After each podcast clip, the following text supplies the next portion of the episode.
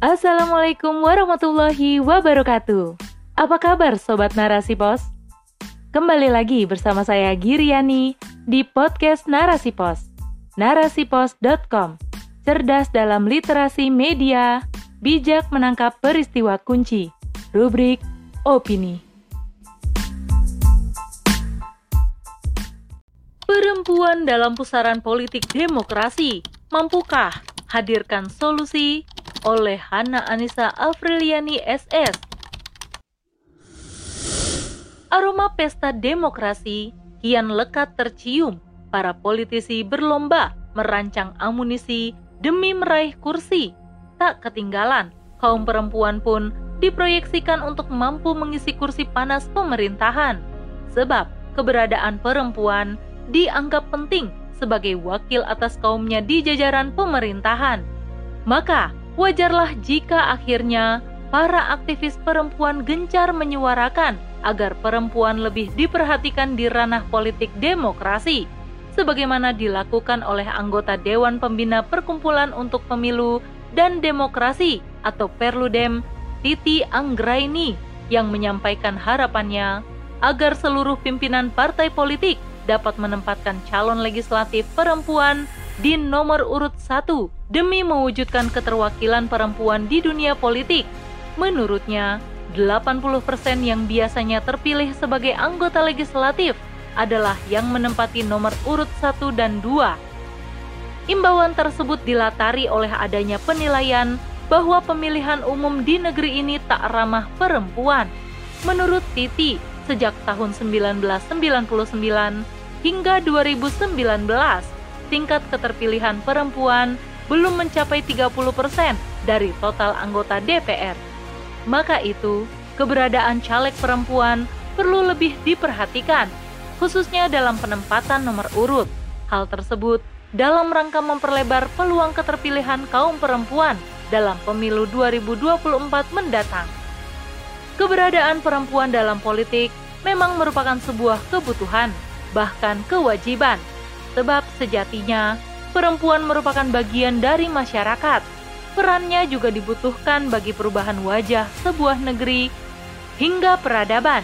Namun demikian, patut kita telisik kembali politik seperti apakah yang semestinya dijalani oleh perempuan? Benarkah terjunnya perempuan ke kancah politik ala demokrasi mampu menghadirkan solusi bagi persoalan negeri? Dalam pandangan Islam, politik atau siasah secara bahasa berasal dari kata sasa, ia susu, siasatan, yang artinya mengurus kepentingan seseorang. Sedangkan secara istilah, politik bermakna mengatur urusan umat, baik di dalam maupun di luar negeri. Aktivitas politik ini dapat dilaksanakan oleh negara atau individu umat. Maka, dapat dikatakan bahwasannya aktivitas politik erat kaitannya dengan aktivitas amar ma'ruf nahi mungkar yang memang diwajibkan Islam atas seluruh kaum muslimin, baik laki-laki maupun perempuan. Dalam Islam, seorang muslim wajib peduli terhadap sesama manusia dan juga lingkungannya. Tidak boleh apatis, yakni bersikap acuh tak acuh. Rasulullah Shallallahu alaihi wasallam telah mengingatkan dalam hadis riwayat Hakim bahwasanya Rasulullah Shallallahu Alaihi Wasallam bersabda, "Siapa saja yang bangun di pagi hari dan perhatiannya kepada selain Allah, maka ia tidak berurusan dengan Allah." Dan barang siapa yang bangun dan tidak memperhatikan urusan kaum muslimin, maka ia tidak termasuk golongan mereka. Oleh karena itu, ketika seseorang mengarahkan pikirannya dan perhatiannya kepada persoalan yang mendera kaum muslimin dan negeri-negerinya, maka berarti ia tengah melakukan aktivitas politik. Misalnya, ia peduli terhadap korupsi yang kian merajalela, kriminalitas yang kian marak, harga kebutuhan pokok yang terus merangkak naik, penjajahan atas negeri kaum muslim oleh kafir barat, penyimpangan seksual yang kian ditampakkan secara telanjang, atau kezaliman penguasa yang tak lagi sembunyi-sembunyi, maka sungguh ia tengah menjalankan peran politisnya. Oleh karena itu, Perempuan dan politik adalah dua hal yang tak terpisahkan. Namun, tentu saja dalam bingkai politik dalam konsep Islam, bukan politik yang identik dengan perebutan kekuasaan sampai rela menghalalkan segala cara demi meraih tampuk kekuasaan dan saling sikut kanan kiri sebagaimana halnya politik ala demokrasi hari ini. Perempuan dalam kacamata Islam wajib terlibat dalam perjuangan politik atau kifah siasi. Adapun hal tersebut terimplementasi salah satunya lewat aktivitas muhasabah lil hukam atau mengoreksi penguasa. Banyak dalil yang menyatakan akan keutamaan aktivitas muhasabah lil hukam ini. Salah satunya hadis riwayat hakim dari Jabir radhiyallahu anhu.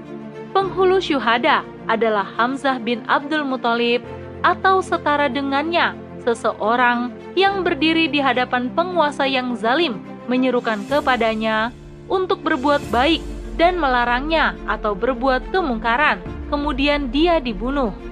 Dalam hadis tersebut, terdapat pujian kepada mereka yang melakukan aktivitas mengoreksi penguasa. Oleh karena itu, sudah selayaknya kaum muslimin menjadi orang-orang yang kritis dan berani dalam melakukan muhasabah di tengah-tengah masyarakat, termasuk muhasabah kepada penguasa.